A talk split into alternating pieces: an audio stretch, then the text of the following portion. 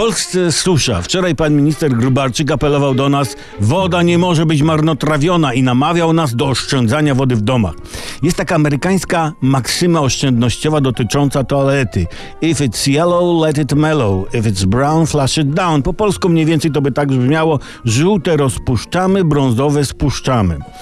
Mimo, że jestem influencerem i propagatorem Ba, ba, fanem wód gruntowych i wilgotnej ściółki leśnej, to ja jednej rzeczy w tym apelu nie do końca rozumiem, bo e, to nie znaczy, że się czepiam, nie? Bo, bo to może ktoś wyjaśni.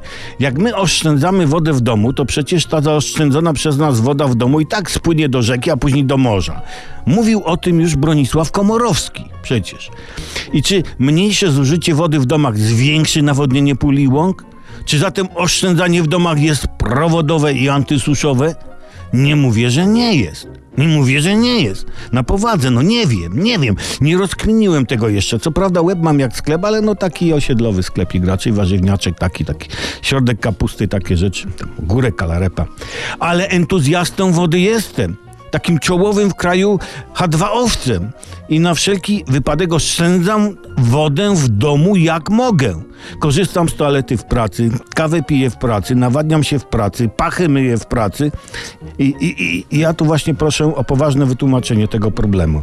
A może słuchajcie, po prostu wystarczy zlikwidować baseny bogaczy? Nie, nie wiem, nie wiem, wytłumaczcie.